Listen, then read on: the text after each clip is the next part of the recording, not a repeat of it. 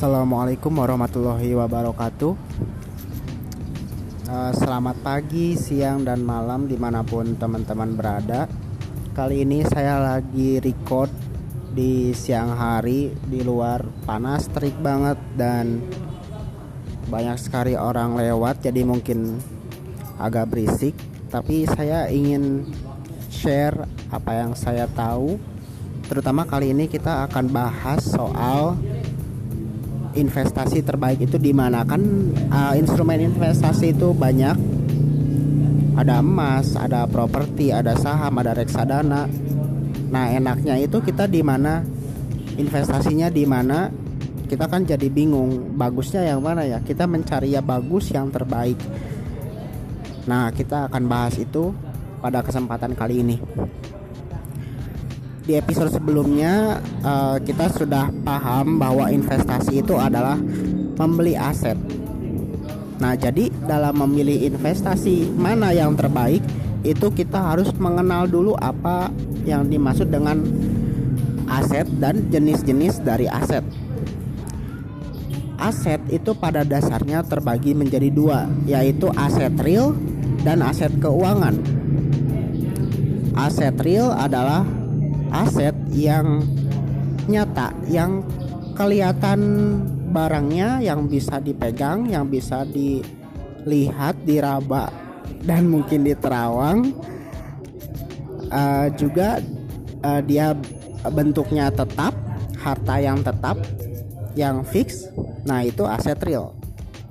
Terus ada aset keuangan. Aset keuangan itu biasanya berupa kontrak tertulis jadi sebuah perjanjian atau uh, pemberitahuan yang berharga surat berharga. Nah itu aset keuangan. Aset keuangan itu memang ada beberapa yang bisa kita pegang dan dulunya bisa dipegang. Contohnya seperti saham itu dulu bisa dipegang walaupun sekarang itu sudah scriptless artinya sudah digital jadi tidak ada lagi dalam bentuk uh, paper atau sertifikat. Nah, kita bahas dulu aset real. Aset real itu yang tadi yang disebut dengan aset nyata. Harta nyata dan harta tetap. Ada beberapa macam aset real. Yang pertama itu properti atau real estate. Properti ini bisa berupa tanah, bisa berupa kosan, bisa berupa apartemen, kios, kontrakan, dan lain sebagainya yang sistemnya itu kita uh, ada tanah, ada bangunan dan disewakan. Nah, yang seperti itulah. Itu aset real. Nah, yang kedua itu ada bisnis. Bisnis itu misalkan kita punya pabrik, punya mesin, punya tempat untuk menambang, juga punya kebun, yang menghasilkan. Nah itu disebut sebagai dengan uh, aset bisnis. Yang ketiga itu logam mulia. Logam mulia itu seperti yang teman-teman tahu bisa berupa emas perak berlian mutiara atau hal-hal apa pun logam yang sifatnya itu berharga terbatas sehingga disebut sebagai logam mulia yang keempat itu barang-barang koleksi misalkan teman koleksi uh, motor langka, mobil langka, jam tangan langka yang mewah atau yang limited edition. Nah, itu disebut sebagai aset real, barang-barang koleksi seperti itu. Nah, selain aset real, kan tadi ada aset keuangan. Nah, aset keuangan itu dibagi lagi menjadi dua, ada yang namanya private investment, ada yang namanya public investment. Kalau private investment itu di mana yang berinvestasi itu uh, privat tertutup dan terbatas hanya untuk orang atau lembaga tertentu. Contoh private investment itu ada private equity atau venture capital. Misalkan uh, kita mau berinvestasi di perusahaan-perusahaan yang tertutup yang tidak bisa dibeli oleh publik misalkan PT Pertamina atau misalkan PT Telkomsel atau perusahaan-perusahaan yang uh, mungkin teman-teman nggak bisa dapatkan sahamnya karena saham itu hanya bisa dibeli oleh orang-orang tertentu. Kadang uh, jumlah investasinya itu sangat besar, misalkan minimal investasinya satu miliar, 2 miliar, 10 miliar. Jadi ya masyarakat biasa atau publik itu belum tentu bisa berinvestasi di sana. Hanya orang-orang tertentu yang memenuhi syarat. Yang selanjutnya adalah venture capital yang biasanya venture capital ini mendanai perusahaan-perusahaan rintisan atau startup. Nah, startup ini kan biasanya disuntik dananya sama venture capital dan nggak semua orang bisa mendanai startup kan. Misalkan kayak Gojek, uh, Tokopedia, Oppo, Bukalapak nggak semua orang bisa berinvestasi di situ. Hanya venture capital, hanya lembaga-lembaga tertentu yang mampu dan bisa berinvestasi di startup. Nah, itu private investment, investasi yang tertutup hanya untuk sebagian orang uh, karena ada persyaratan tertentu yang harus uh, dipenuhi. Nah, aset keuangan selanjutnya adalah public investment. Kalau public investment itu investasi yang bisa dilakukan oleh semua orang, oleh publik, tidak ada batasan, tidak ada uh, syarat anda harus mengerti atau tidak, Anda sekolah perguruan tinggi atau tidak, Anda dari golongan kaya atau biasa saja, Anda orang kota, orang desa itu nggak ada masalah. Karena public investment semua orang bisa, semua masyarakat juga bisa, bahkan orang asing juga bisa berinvestasi di public investment. Nah, public investment itu dibagi dua lagi ada yang langsung dan yang tidak langsung yang langsung itu maksudnya kita itu berinvestasi kita sebagai publik sebagai masyarakat biasa itu berinvestasi langsung memilih secara langsung analisa secara langsung uh, menentukan modal secara langsung menentukan keuntungannya berapa secara langsung jadi tanpa dibantu orang lain Nah, itu yang disebut dengan uh, berinvestasi secara langsung. Nah, investasi secara langsung ini bisa di saham, bisa di obligasi, ataupun di pasar uang. Pasar uang itu seperti deposito. Nah, kita bisa berinvestasi di tiga hal itu, di saham, obligasi, atau pasar uang. Selain berinvestasi secara langsung, kita juga bisa berinvestasi secara tidak langsung Artinya kita tidak menganalisa, kita tidak menentukan target keuntungan, modal, kita tidak melihat kondisi ekonomi bagaimana karena ada orang lain yang akan melakukannya untuk kita. Artinya kita dibantu orang lain untuk melakukan investasi. Itu yang disebut dengan tidak langsung. Atau yang disebut dengan uh, mutual fund atau pool fund.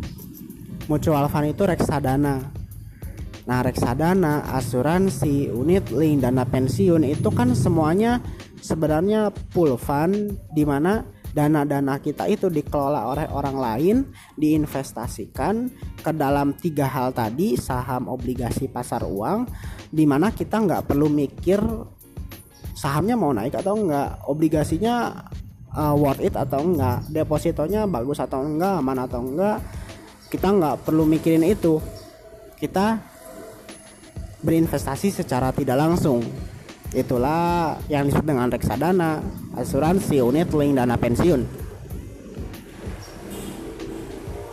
Nah, jadi uh, secara garis besar kita bisa memilih untuk berinvestasi apakah mau di properti, apakah mau di bisnis, apakah mau di logam mulia atau di barang koleksi atau kita bisa berinvestasi secara langsung di saham, obligasi atau pasar uang seperti deposito atau kita bisa berinvestasi secara tidak langsung lewat reksadana atau unit link atau asuransi atau dana pensiun.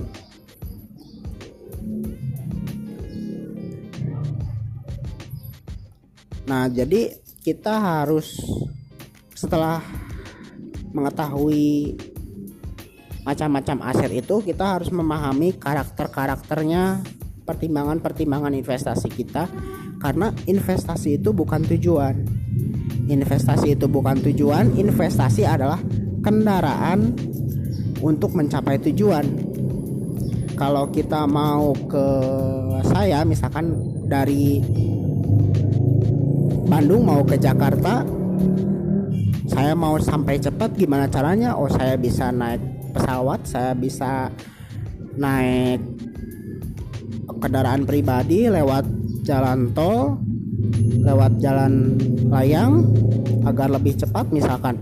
Atau misalkan saya ingin yang aman nyaman saya bisa naik kereta atau misalkan saya bisa naik bis itu kan kendaraan. Tujuan kita mau ke mana mau seberapa cepat kita sampai di sana mau dengan kondisi apa? Apakah kita yang nyetir sendiri ataukah orang lain yang nyetir? Apakah kita diam atau kita yang aktif? Kita mau tidur di perjalanan atau enggak? Mau dapat kursi yang nyaman atau enggak? Kita yang menentukan. Itulah analogi dari investasi. Investasi itu bukan tujuan tetapi kendaraan nah apa sih pertimbangan atau karakter dari setiap aset investasi tadi? Yang pertama yang harus dipertimbangkan oleh teman-teman adalah tujuan berinvestasi. Beberapa tujuan investasi yang bisa teman-teman pilih adalah yang pertama menjaga nilai uang.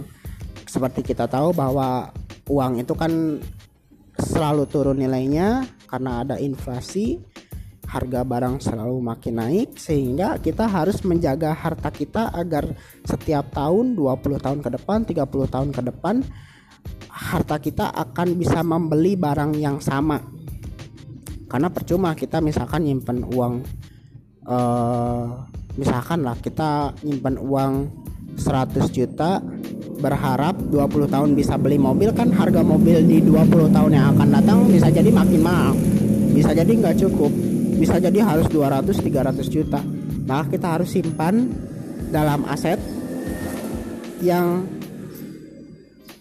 tidak terkena inflasi. Contohnya emas, deposito atau reksadana yang imbal hasilnya lebih besar daripada inflasi. Yang kedua itu tujuan investasi sebagai passive income. Artinya kita mendapatkan keuntungan secara rutin untuk menjadi penghasilan bagi kita. Contohnya itu kita bisa berinvestasi di aset properti. Kita bikin kosan kita kan dapat bayaran sewa itu kan jadi pasif income atau dari saham kita akan dapat dividen tiap tahun atau dari obligasi kita akan dapat kupon tiap bulan atau teman-teman bisa tujuan investasinya untuk keuntungan yang sangat cepat capital gain peningkatan modal contohnya teman-teman trading di saham itu untuk bisa menam, um, menambah keuntungan dengan cepat. Jadi teman-teman harus tentukan dulu tujuan investasinya pengen seperti apa. Nah ini juga nantinya disesuaikan sama uh, tujuan umum teman-teman investasi itu apakah mau dipakai dana pensiun, apakah mau dipakai dana pendidikan, ataukah mau dipakai biaya nikah atau pakai jalan-jalan? Itu teman-teman pikirkan karakteristik yang bagaimana yang cocok buat teman-teman. Yang kedua jangka waktu. Investasi itu ada yang cocoknya jangka pendek jangka menengah ada yang jangka panjang. Misalkan eh, lima tahun 6 tahun 10 tahun gitu untuk jangka pendek teman-teman bisa pilih deposito atau reksadana pasar uang atau obligasi. Itu untuk jangka pendek cocok banget kalau misalkan disimpan kurang dari satu tahun atau satu tahun sampai dua tahun itu masih cocok.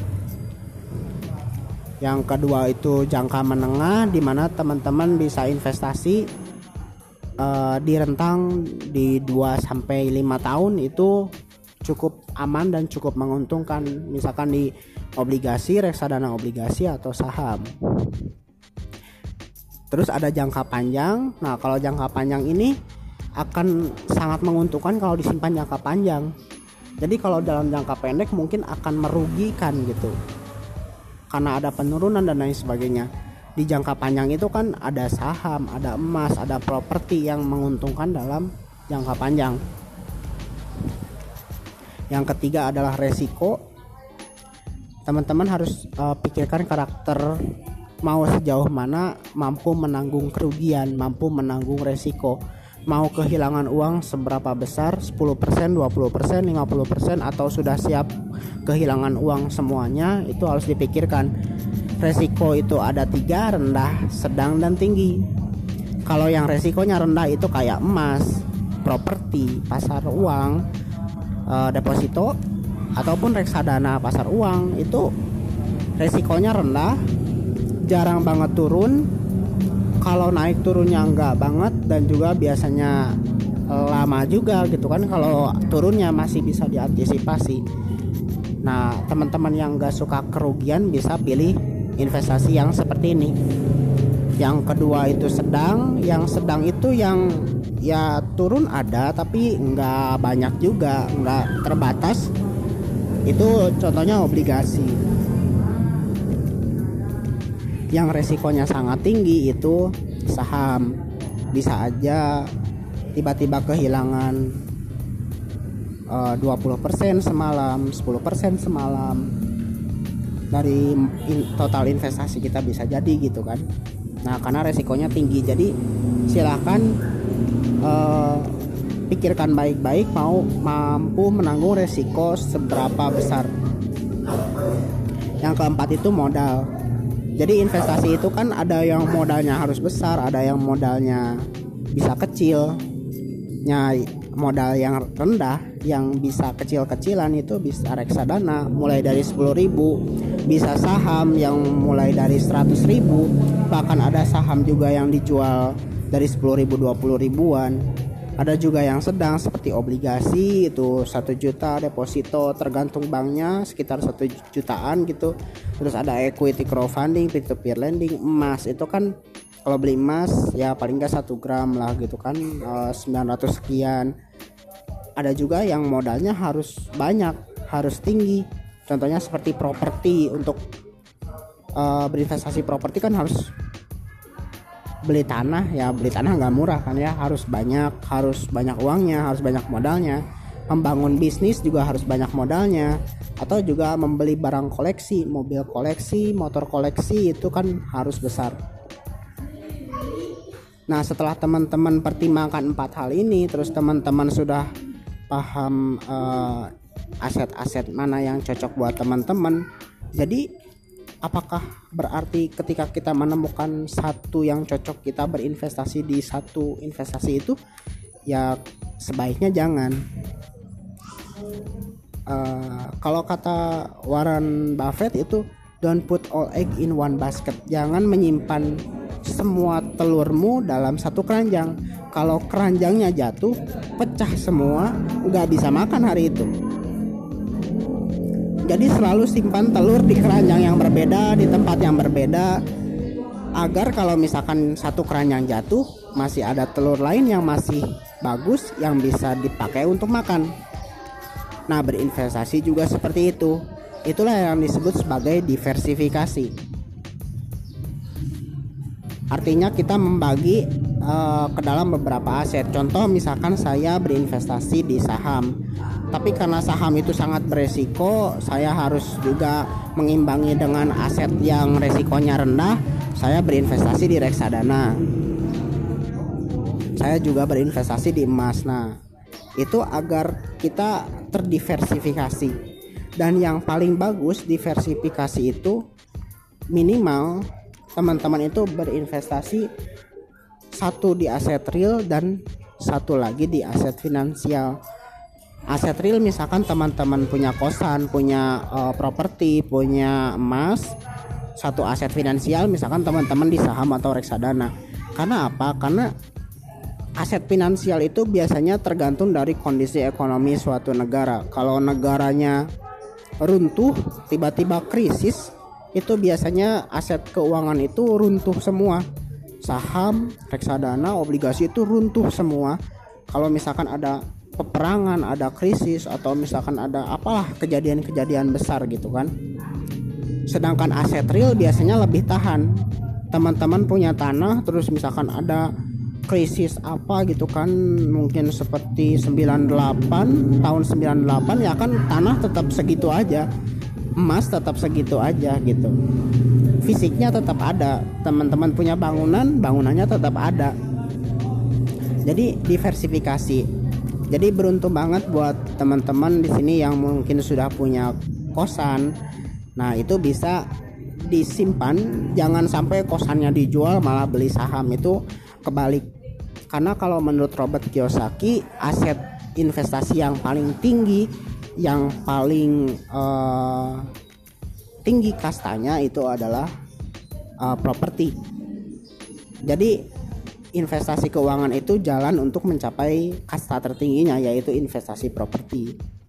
Nah kalau misalkan sudah punya ya sudah bersyukur teman-teman sudah punya dijaga uh, dirawat karena itu aset yang sangat aman tapi juga sangat menguntungkan.